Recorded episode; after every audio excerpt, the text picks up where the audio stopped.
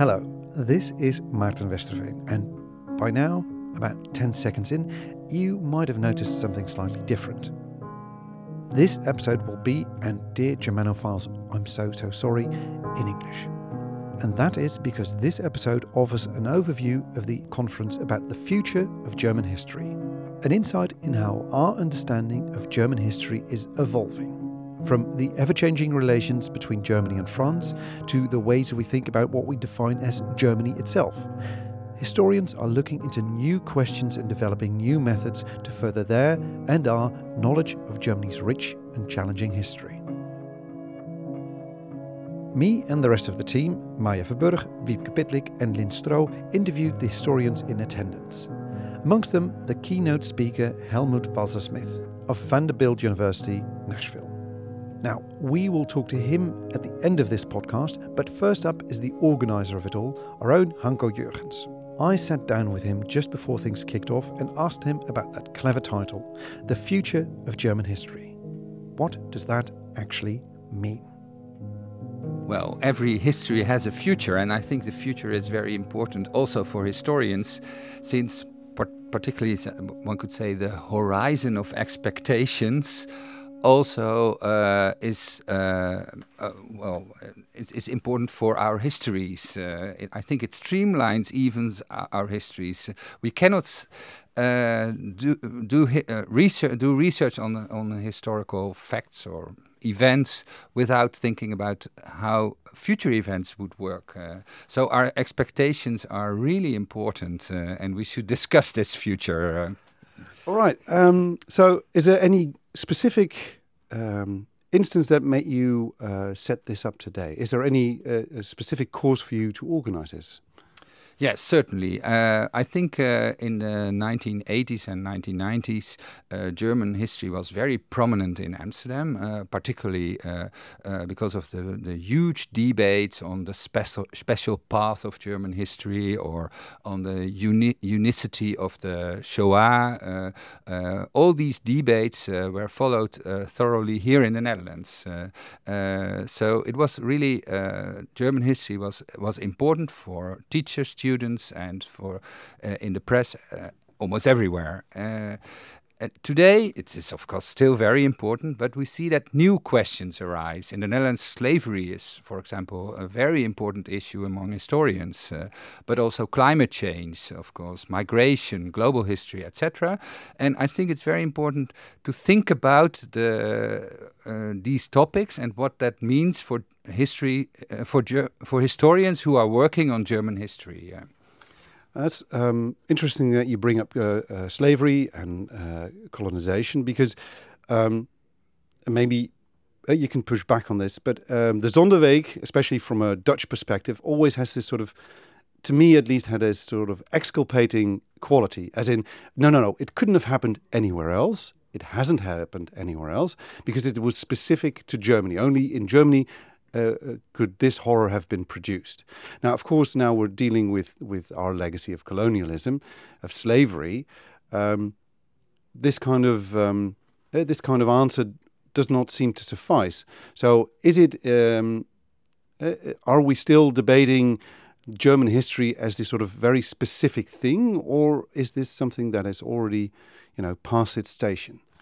Well, the the, the Sonderweg thesis evolved, of course. Uh, there were there was a lot of criticism, uh, particularly because it was a thesis on the history of the 19th century and on, on the question if Germany really had a special path in the 19th century. Many historians denied it, and even today will deny it. Will say, well, these paths were very comparable with the paths in France or Britain, for example. Uh, so uh, one could even say that uh, the debates on the Sonderweg, uh, especially stimulated a sort of transnational or at least comparable history and and uh, made it already a European history. Uh, uh, particularly, uh, I, I, would say, from the outside view, we are here in the Netherlands, and from from from a Dutch perspective, one would see how even these debates on the Sonderweg opened up German history already, I, I think. Uh, but today we see indeed uh, questions of colonial history uh, have become very important, and one should not underestimate German colonial history became very prominent, uh, and even uh, history of genocides uh, since the genocides of, of the Herero and Nama in uh, Namibia, in uh, German uh, South West Africa, was a, a, very horrible history in 1904, 1907, and the debates on the causes of this genocide, but also on the continuities in German history. Was there any relation with this genocide and the Holocaust or not? Uh, these debates are also very interesting and perhaps also prominent in the field. Uh, is there even such a thing as German history uh, outside of uh, the Nazi regime and the Holocaust? Yeah, that's a very important question, which is discussed since the, the, the 1980s, uh, because uh, the idea was that there was a sort of vanishing point uh, where almost all historians were working to 1933, the seizure of power of the National Socialists, or perhaps uh, working from 1945, uh, the, the well, the, the, unconditional surrender uh, and, it's very black moments, uh, so to speak, which evolved into the light of uh, German democracy and civil society and uh, social welfare state. Uh, so many historians criticize this idea of the, also this, these timelines, which eventually leads to a sort of success story, a Volksgeschichte, uh, and started to study the 19th century in its own values, in its own uh, dynamics, so to speak, uh, apart from what happened afterwards, or even the Republic of Weimar, of course, because the Rep Republic of Weimar was also stu always studied uh, from the end uh, from its failure, uh, whereas uh, it became clear that the democracy was very vivid. Uh, and if, if one studies the Republic of Weimar without realizing what has happened in 1933, one could have totally different outcomes. So, this is, I think, for all historians who work on German history, sort of common knowledge. We should not uh, uh, think in these uh, timelines and take distance from it, but an interesting question is: Is it possible to take this, to really take distance of it? Because of course we all know that these timelines were there, and uh, for all historians, I think uh, this black period of 1933-1945 is an essential essential part of, of, of German history. So one could take distance uh, as a historian, uh, but on the other hand uh, if one could, can take totally distance of it, I'm not sure. New generations have more distance to this period. Uh, anyway, I can say it from my my own experience. My father, for my father, Second World War was well the uh, moment in his life which he had to work through uh, up until he died two years ago. For me, it's a, a, a less uh, uh, prominent, but still a very prominent affair. But for my children, I'm not sure if it's for them thus prominent. Uh, I even must say that for me, it's important that they take some distance of this period. Uh, and uh, I think this also, uh, one could see this, of course, in the way historians work through these periods and, uh, and, and have their experience themselves. Uh. So, with all things introduced, you will now hear a few of our guests. Wiebke Pitlik starts things off, speaking to Marike Oprel and Eveline Veen about the panel Between East and West. Okay, I'm standing here um, just after the session, panel session uh, between East and West. I'm standing here with Marike Oprel, assistant professor at uh, uh, political history at the Radboud University in Nijmegen, and with Eveline Veen. Uh, she is working on her PhD at the University of uh, Münster. And um, Marike Oprel was the chair of the session. Uh, could you please tell me what it was about? Well, it was a very inspiring session, but I think all moderators will say that about their own panel. Uh, on, uh, well, like you said, between East and West, and we had papers um, addressing uh, West Germany and uh, particularly also perceptions of East Germany. Uh, Eveline Veen, but she will, will say some more, um, um presented her PhD research. And then we had Elian de Jong and Krijn Thijs uh, about, an, and I have to look at the paper because it's a Quellen Quellen edition, as they said, they mentioned it in English, uh, of the professional letters between two leading West East German historians. And it's quite a story of uh, starting from collegial friendship to rivalry, uh, which all struck us, I think, uh, in the room. And then uh, afterwards, there was Anna Siedel with uh, some um, analysis yeah. on um, German literature and perceptions of East Germany in the literature and, and, reflections. It was very uh, a rich session. Yeah, and very different topics. Very different topics. And, were I, there any common grounds or? Well, for me personally, I, I started thinking on uh, on the line of methods and sources. Like, what kind of sources can you use to reconstruct West and East German histories uh, or history and histories, and how do you then make this step to a Gesamtdeutsche history if you want to unite it? Because that was sort of the the rationale behind the panel. More historians are arguing that you don't that we no longer need to study West and East Germany separately, uh, separately, but together uh, as a unified Germany and a Gesamtdeutsche history.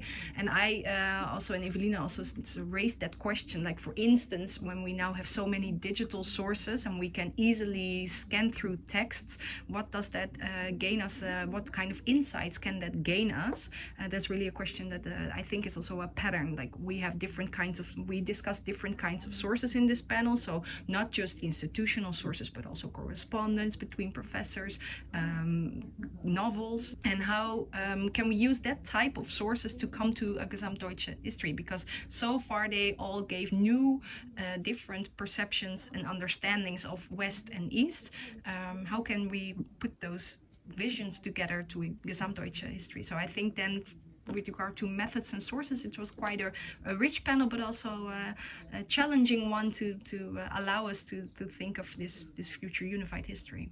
Yeah, because there was one uh, correspondence between two professors that was uh, researched. Um, is one correspondence between two professors can it tell a more broader story? You think? Um, well, I'm not a specialist, of course, but, but I was really struck by the fact. That, For example, yeah, I was really struck by the fact that it's in in that correspondence you so uh, you so uh, um, clearly see the um, the communist vision versus the capitalist vision, the East version versus the West, or the democratic ideals of Weerhaus, and then the um, the, the, the, the protest voice of Kuczynski. Um, I do think that you can sort of when you put it in the right historical and right historiographical context, with, which Krijn Thijs and Elian de Jong, of course, do, then I do think that it tells a larger, that it can be an example to to tell a larger story. Um, and uh, also, I think it holds valuable and relevant lessons for today and also for current evaluations at universities um, when it comes to internationalization or uh, discussions about uh, the influence of China and Chinese in universities and the exchange so I think it's in that respect very interesting to look at that correspondence to learn more about this German history, but that it also holds lessons for the future. Yeah. Um, Eveline Veen, that's interesting about your research as well, because uh, uh, you mentioned in your uh, talk that it was relevant for today as well. You had this example of uh, uh, Lina A. Mm-hmm. could you shortly explain what this is about? Um, so, first a little bit about my research. Yeah. So I look into the terrorist constituency and then specifically the terrorist constituency of left wing terrorists in West Germany in the 1970s. Could you explain what you mean by constituency? Yes. So what we mean with constituency, and with we, I mean people within the uh, research field that look at political violence in general, is um, in German you would say Umfeld or the surroundings of uh, a terrorist group, and that are people that could be considered as suscepting or like that they're susceptible to the ideology of the terrorist, but it doesn't per se mean that they support what they're doing, like the methods. So that is uh, what I'm looking at, and it is true that it's still. Um, uh, also important for today. I mean, when it comes to left militant violence or left terrorist violence, the Rote Armee Fraktion still often comes back uh, into the news. Uh, comparisons were made in this case of Lina A. So the um, uh, Bundeskriminalamt, they compared Lina A with times of the RAF. Well, journalists already immediately counted it and historians as well. Um, but to take it a bit more broader, what is important as well is to look at how important this constituency in general is, because when countermeasures are taken by the government, they target this constituency because they feel that that is a, a, a group in the uh, society that could potentially radicalize. So from that perspective, it is an important research as well that you could also apply on current day situations. Could you tell something about these countermeasures uh, that uh, the German state uh, took against this uh, group of like minded people, you can say? Uh? Um, so I will tell a little bit about one of these countermeasures, and it is the Radikalenerlass, uh, so the radicals decree, where they targeted people um, that wanted to enter civil servant jobs and that were not allowed to be too radical in their ideas.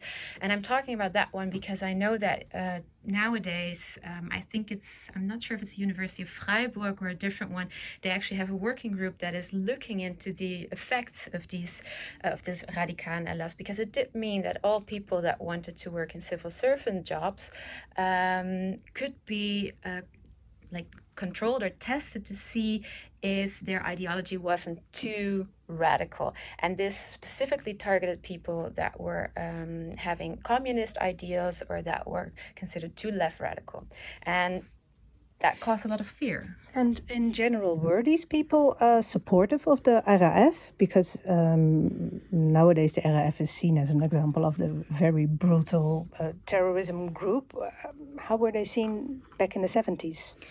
So I think what is important to keep in mind is that uh, when looking at the RAF, you cannot um, leave out these countermeasures, and that the the the government went to into a kind of overdrive, which always meant that when people were talking about these actions of these left terrorist groups, they were immediately also talking about well, what kind of countermeasures are being taken, and do they do they balance each other out? Is it is that um, uh, okay, or are they going too far? And I think that most of the people within the left would support parts of the ideology, but not the violence. Uh, one last question for Marike. Um, did this day, this conference, bring you an interesting insight, an interesting new uh, perspective? Yes, absolutely. I mean, we have organized conferences on German history quite uh, often the past couple of years, but this one really has new, uh, for, for me at, least, uh, new topics. I also joined the, the session on the police, which also has this new uh, relevant um, uh, research on, on police forces in Berlin, Amsterdam. Laura Brinkhorst presented on that, and really the discussion later on also, at least invited me to think about new themes.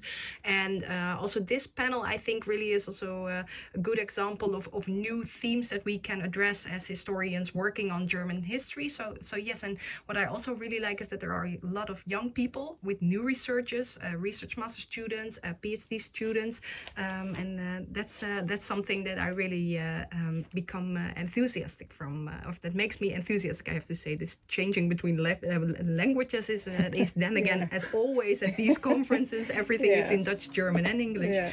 That's kind of of a blur. But no, I think uh, it's a very successful conference uh, and uh, does really show that there is a future of German history.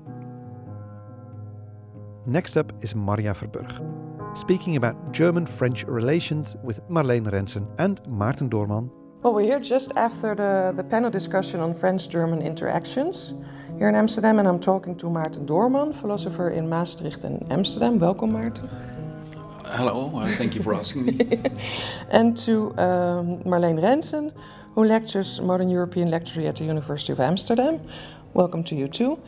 Um, Marleen, if I can start with yes. you. Um, what is your research about, research about? What did you tell us about in the panel? Yeah, I, ju I just gave a presentation about uh, my research on the role of women in Franco German relations. So I'm writing on uh, the history of Franco-German relations and try to highlight the role of women because they have been neglected in research largely. And um, if we think of women in this history, we tend to think of perhaps uh, Madame de Stael from the 19th century, and then maybe Merkel comes after, but there's nothing much in between, it seems. And I'm trying to fill that gap with my research and try to write some portraits of women. And one of those is the French actress Sarah Bernhardt who uh, traveled to Germany for a theater performance and um, um, was very much um, a cultural uh, player in the field, um, writing about her experiences in the Franco German War, for example, and um, writing about her experience as an actress in Germany. So, in the late 19th century, we're talking about? We're talking about late 19th century, yes, right. So, after the Franco German War of 1870 1871. And can you tell us something about her role? I mean, what, what, what was she doing? Right, so she was a famous actress, and the war interrupted her career. But she was the one who took the initiative to turn the theater, Odeon Theater in Paris, uh, into a military hospital. And she was not only nursing in the hospital, but she ran the hospital. So she arranged medical supplies, medical staff, beds, food supplies, and everything. So she was really the director. So that was a, a very much active involvement in the war. And what was her? Um, I mean, she was French. What, what was her take on, on Germany, or, or why is she important for the French-German relationship?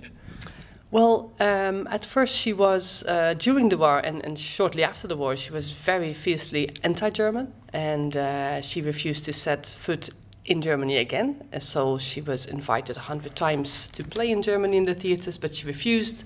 But only uh, until 1902, when she was in asked by the French Minister of Culture to please go to Germany as a sort of token of reconciliation to play there.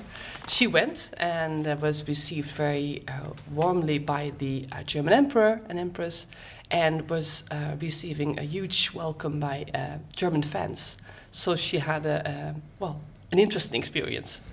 Yeah, and so Sarah Bernhardt is one of the, the, the women you're writing about. Uh, how many women are you are you researching, or do you know which who they are, and, and why do you pick them?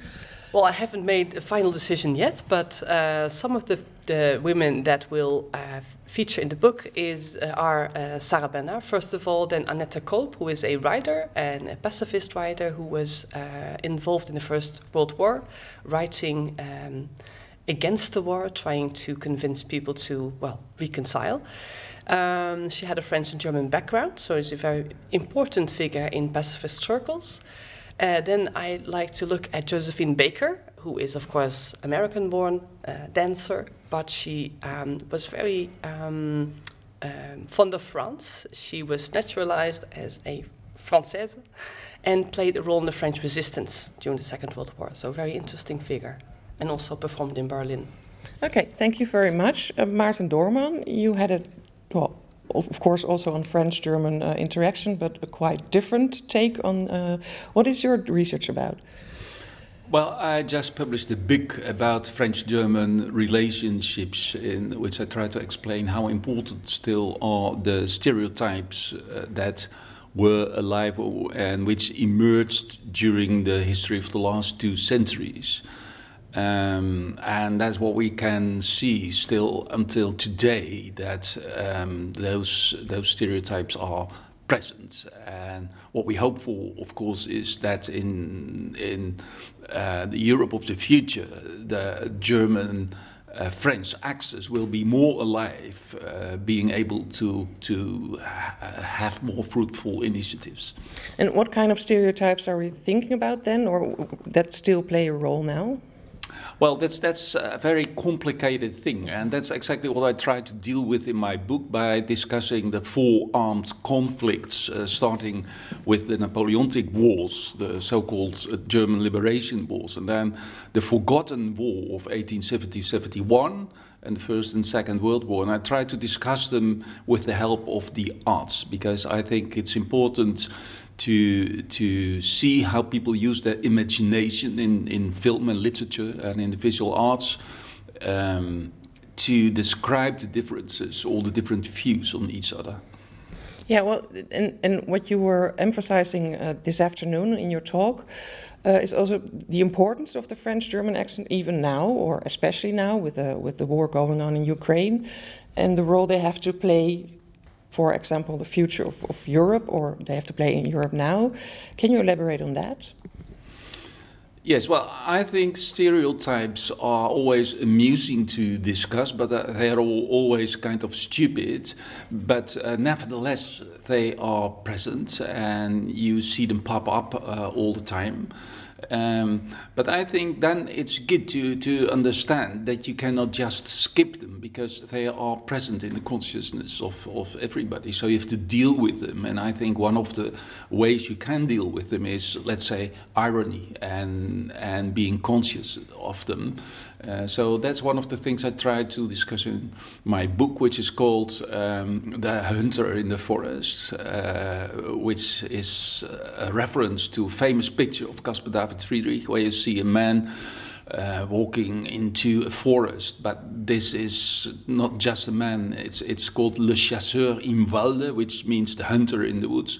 And that means that it's a French soldier. And this French soldier is disappearing in that forest, and you're sure he will never come back because in the foreground you see a raven and two cut trees. And then everybody who's a bit um, um, knows a bit of German history understands immediately that the forest is not only just a forest, but it's the Teutoburg forest, in which uh, some uh, in uh, 2,000 years ago uh, the Romans were beaten by the Germans, by Arminius. Uh, so that's the way I work in my research and my book. I start with a painting or, or, music or film, and I try to explain how connected it is to all kinds of prejudices and stereotypes.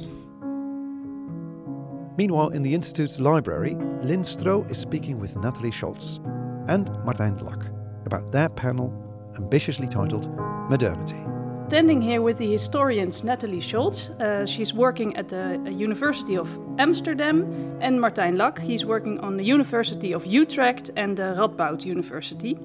Uh, they just finished a talk, a panel talk about modernity. So, uh, Nathalie, modernity sounds very abstract.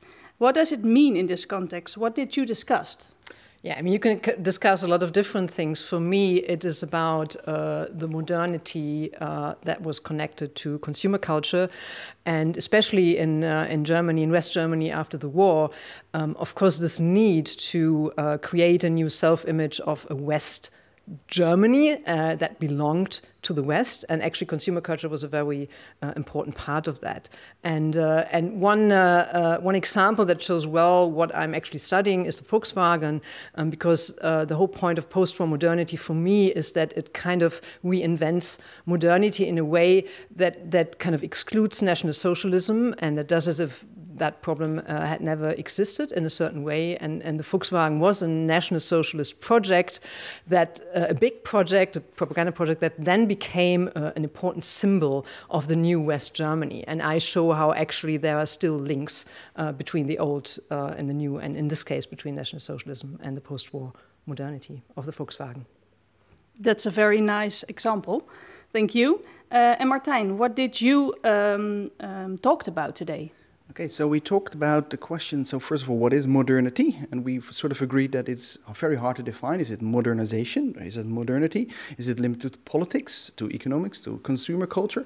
Uh, and we basically sort of conclude that we do not have the definitive answer. Um, if I look, for example, at the post war reconstruction of the Netherlands, there partially it's modernization of, say, industry. But if you look at uh, modern architecture, the ideas are much more about modernity. For example, the central station uh, in Rotterdam, which was built newly uh, after the Second World War. So I think that, that was the main thing we took from it, that it's so diverse and as such also difficult to define. And that made the talk very lively, I would say. And what did you find the most uh, interesting part of the panel talk today? I like the, the, example of Volkswagen very much because I also talk about it in my in my education a lot because of the heritage of this, the Third Reich, but also the symbol of newly created wealth in, in Germany. Everyone needing to have a car, which is sort of symbolizing modernity in Germany. So I thought that was the most interesting I took from the panel today. Thank you. Um, Nathalie, can you briefly tell something about the topics of your historical research? So, what you've done or what you are working on right now? Yeah, I mean, so I, I did really very different uh, topics in terms of the place and the time. So I started with uh, early 19th century French history, the French Restoration, and then switched to post-war West Germany. So you know, a lot, a lot of time in between. But actually, what connects the two uh, the two projects is thinking about how people imagine, in a way, the political realm or the political regime. So in early 19th century, that was you know, what kind of how did people make sense of uh, of the the Restoration monarchy monarchy, which was again an old monarchy that replaced Napoleon and the French Revolution. And now it's it's so it's about how West Germans uh, kind of started to reimagine themselves and, and, and describe themselves, and and yeah, and somehow the the world of objects and of consumer objects becomes important because it becomes also uh, more important, not only in Germany but uh, more broadly, certainly in in the West, um, as a part of what I then call political imaginary. Right? I mean, we all know what we, when we talk about Western culture, we know what we mean, but much of that was actually created in, uh, in that period. And you're working on a new book? I'm actually I've just finished a book where the Volkswagen is a part of, and it's it's really uh, it's really about that. So it's about modern design, the Volkswagen, and other objects that uh, that have been so or that were so important uh, for for West Germany's new image actually. And I really look at a lot of different materials. So I look at I look at films, I look at uh, uh, also even documentary films. Sometimes I look at uh, a lot of popular culture material, illustrated magazines, magazines. Some sometimes also professional magazines. All it's all about kind of understanding how this weird period where there was a taboo actually on doing anything, kind of taking on anything related to national socialism, and how that actually happened in spite of it, but also was denied by it, which is then what I think produced what I call a myth. That's why the book is called a mythology, actually, uh, where there was a sort of hidden, there was always a sort of hidden message that was not completely outspoken, but that I hope that I can show to people that it was still there in the way that I assemble the material and inter interpret it. Nice, thank you. And um, Martijn, um, could you tell briefly something about your specialism? Yeah, my, my specialism is uh, post-war Dutch-German relations, political, economical, uh, Second World War, uh, with a focus on the uh, Eastern Front, especially the economic side of it. Um, and I'm the editor of, uh, of a journal that is focused uh, on Eastern and Central Europe. So we are covering a lot of Ukraine at the moment. Okay, thank you very much. That's it. We conclude the day with our keynote speaker, historian Helmut Walser Smith. Born in Freiburg, but with a distinguished career in American academia, currently teaching at Vanderbilt University in Nashville. Smith specializes in Germany's history with anti Semitism, with an emphasis on a long perspective of the so called long 19th century. For those interested in his work, I strongly recommend his book, The Butcher's Tale, a gripping reconstruction of a murder and its consequences in a small German town. In his keynote, Smith reflects on the evolution of German historians and their grappling with the Holocaust. It does not paint a pretty picture. Smith describes an unwillingness, maybe even inability, of early post war historians to research the atrocities of the Nazis. It was up to non historians, journalists and survivors amongst them to delve into the horrors and catalogue its victims and perpetrators. For historians themselves, it was only in the 70s and 80s that they recovered something of what Smith calls their mastery. Now, that term is key to his speech, so I asked Helmut what he means with the word mastery.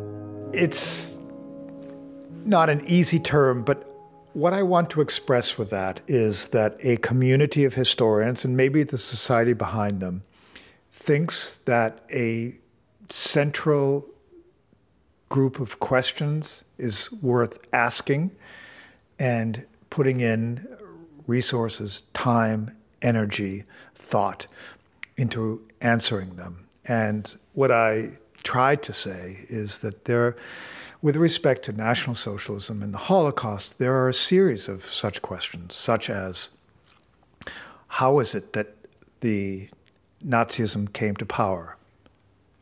After the Third Reich, that's a central question that Germans had to answer. Another one is how is it that the Germans started World War II? A third is what was the experience of the Nazi dictatorship both for non Jewish Germans and for Jewish Germans and for others who were persecuted uh, in Germany. So, what is the everyday life situation of um, Germans and others in the Third Reich? A fourth is um, how did the Holocaust happen? And a fifth is how is it that uh, Nazi Germany murdered so many civilians in the process of its occupation of foreign countries. So you could say that there are still other questions to, to um, answer about the Third Reich. I would certainly agree, but this is my personal group of um, core questions. And I think mastery means for me when the society has gotten behind the importance of answering those core questions. Uh, as in, uh, almost, to put it almost therapeutic terms, when you're ready to face these questions in your life, in your society, then. Yes, you're right about that. Um, it is about the question of whether society is ready to face them, but we're historians, and so it's our job to face these questions. And so we ought to be, but in Germany, that wasn't always the case. We ought to be on the forefront of asking and answering those questions. Uh, in the German case, it took a long time. What you describe is an inability to actually f- confront these questions, and an inability to look beyond the direct experience, to even write about it in an intellectually consistent manner, in a curious manner. What made uh, German historians lose that mastery then? Uh, this is this is the big question. What made them lose the mastery? There are a lot of things. First of all, they lost a lot of people. Um, in the first order, they lost a lot of uh, Jewish historians. Um, they also lost a lot in the war. Um, but beyond that question, there was something in the tradition of writing German history that prevented them from grappling with the immediate past um, and I would say the fourth really important thing is that history in the 1940s and 50s, and really up until the 60s and 70s, was largely thought of as the history of our in group. So the real shift is when you start to see history as not just about us, that is to say, the in group, but as something that always involves um, the interaction between a group that those German historians called we and other groups. And this means other groups in, um, in Nazi occupied Germany, uh, I'm sorry, Nazi occupied Europe. It means um, those people who are persecuted. It means the interaction between Germans in Nazi in Nazi occupied areas and those people who help them, um, you know, collaborators of all sorts. And this is a very different kind of historical understanding. And they, coming from the particular tradition they came from, they didn't really have this um, in the 40s and 50s. It took a, a long time. Um, the, yeah, that's what I would say. Um, in your piece, you almost sound, uh, I mean, you do it in academic terms, but you sound like personally disappointed. It sounds like there's something personal at stake for you there. Well, I guess I can answer that at a few levels. Um, the first thing I would say is when you're a historian and you read these figures from the past, you're not reading dummies. You're reading really smart people. You're re- reading people who, like you, are trying to understand the truth of things. Um, and so when you um, when you read that and you read the way in which they they had a huge blind spot. Um, you feel a little bit because you belong to this, or I feel like I belong to this guild of historians. And so at that level, yes, uh, personal. At another level, I mean, I didn't really get into this. It, it's uh, um, in the talk today because it has to do with my later development. But I'm a historian. I also have had my blind spots. You know, I uh, and I think that all historians will have this. Um, it's hard for us to know at this moment what our blind spots are. You know, it could be that we wake up and say, when I was whatever age, I thought all about identity and I thought nothing about social class. How could I how could I not see that that's so important in the global world? Or you know, there are all sorts of areas where we think that we're more enlightened in our moment, but it will catch up with us. And this was the same case with me in the 1980s. I mean, I um, I was very entra- I was very entrapped in the same sort of dynamic that I'm now having to write about. And so I at, at some level it's yeah, so I see stuff where I am disappointed in people, but I also see stuff where I think I myself could have thought differently about that when I was a younger scholar. You uh, you mark uh, the 80s and 90s as this sort of a turning point yeah. where there is a markedly different kind of look at what has happened, yeah. uh, a more integrated view too, a more holistic view of, of the atrocities. Um, but 80s, 90s, that would mean that the children, uh, demographically, that would mean that the children of, uh, of former Nazis have come of age and have uh, grown into their professions. Uh, people like you, perhaps, uh, people who now are in a position to look at their the previous generation and um, and look at it in a way that that generation itself never could. So, is this a uh, is this growth, or is this simply a new generation having a better chance at a better perspective? That's a good question. It's not easy to answer because, and the reason it's not easy to answer is that there are some historians from the war years who created the the knowledge basis for us to think like this. So it's not like suddenly post-war generations are born, they can see this with a greater clarity. It's not quite that simple.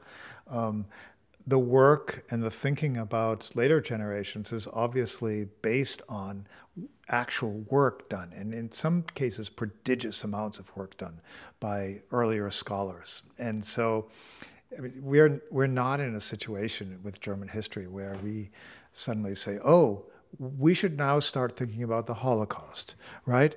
We're not, and this is because uh, Philip Friedman was there, um, about whom I talked about today in, in, in my lecture. Um, it's because Raoul Hilberg was there, who I wanted to talk about but didn't get to.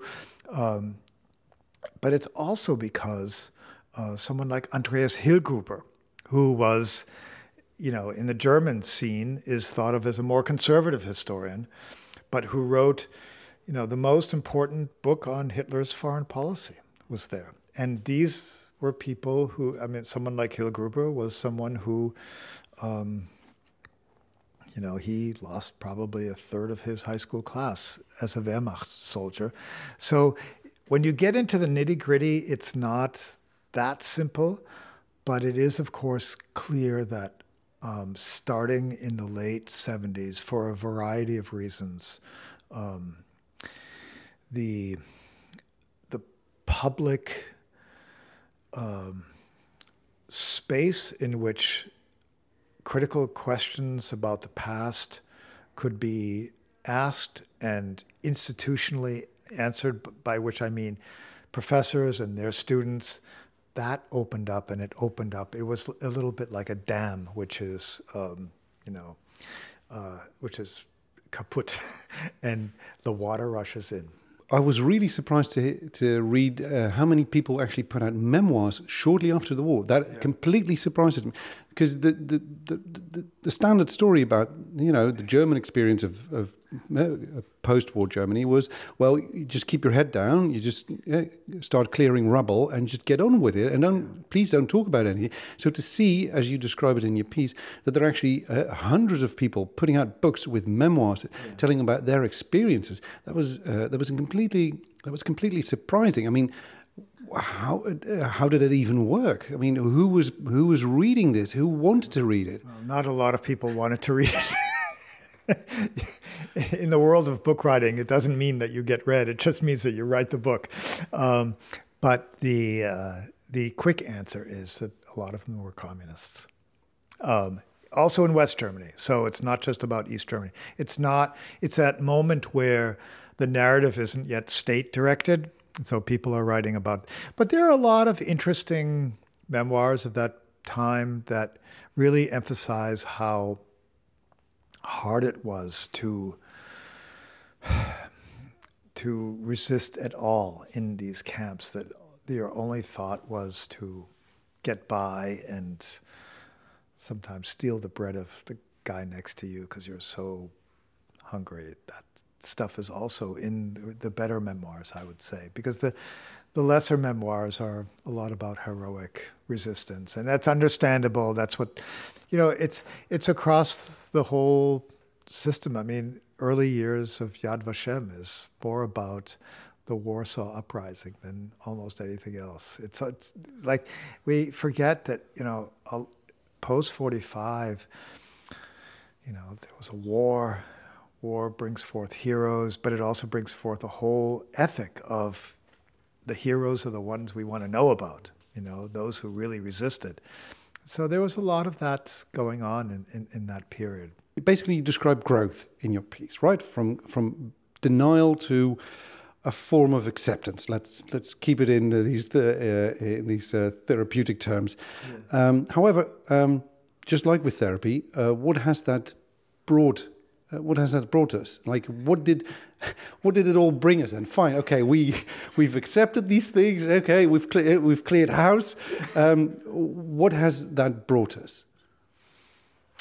That's a good question. I I I accept the your sort of understanding that it's therapeutic and psychological, even though I, I pulling your leg tiny bit though. Yeah, yeah, but I, I, don't love it. But you might be right, and I might be wrong. Um, what it brings, I, I would say that honesty about what happened in the past, honesty about what happened in your immediate like the local. That's what I'm especially interested in in my other work at this moment. This is this is the rock basis of good politics um, in any country, and I I say that because in the United States we don't really have that. We don't have we don't have towns in the American South, and I live in the South. Um, you know, pushing to recognize the unjustness of desegregation. We don't have towns, you know, there are like some 1,400 uh, cases of lynches in the South. And there's a wonderful museum, incredible museum of lynching in uh, Montgomery, Alabama. But one of the things that you have there are these vials. Um, you know, it's like a little glass container um, of dirt. And the dirt is from where the lynching happened.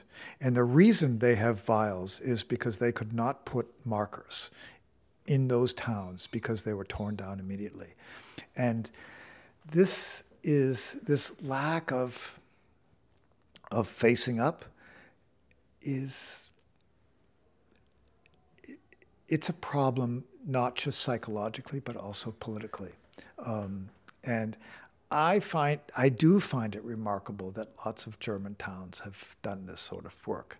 Uh, not perfect. You can still discursively criticize it. I'm not saying it's it's all great, but some of the people who did this did this honestly and worked hard at it, and maybe they had their own blindnesses, no doubt, but um, that kind of work is what creates honest, let's call it democracies, let's call it open societies. That's why I think it's important. That concludes our podcast about the future of German history. If you'd like to know more, go to our website duitslandinstituut.nl. In the meanwhile, I want to thank all of my colleagues, Maya Verburg, Wiebke Bitlik, Lynn Stroh and Hanco Jürgens, and all of our guests, in particular our keynote speaker, Helmut Walser-Smith. So that's it for me. See you next time. Tot ziens. Tschüss.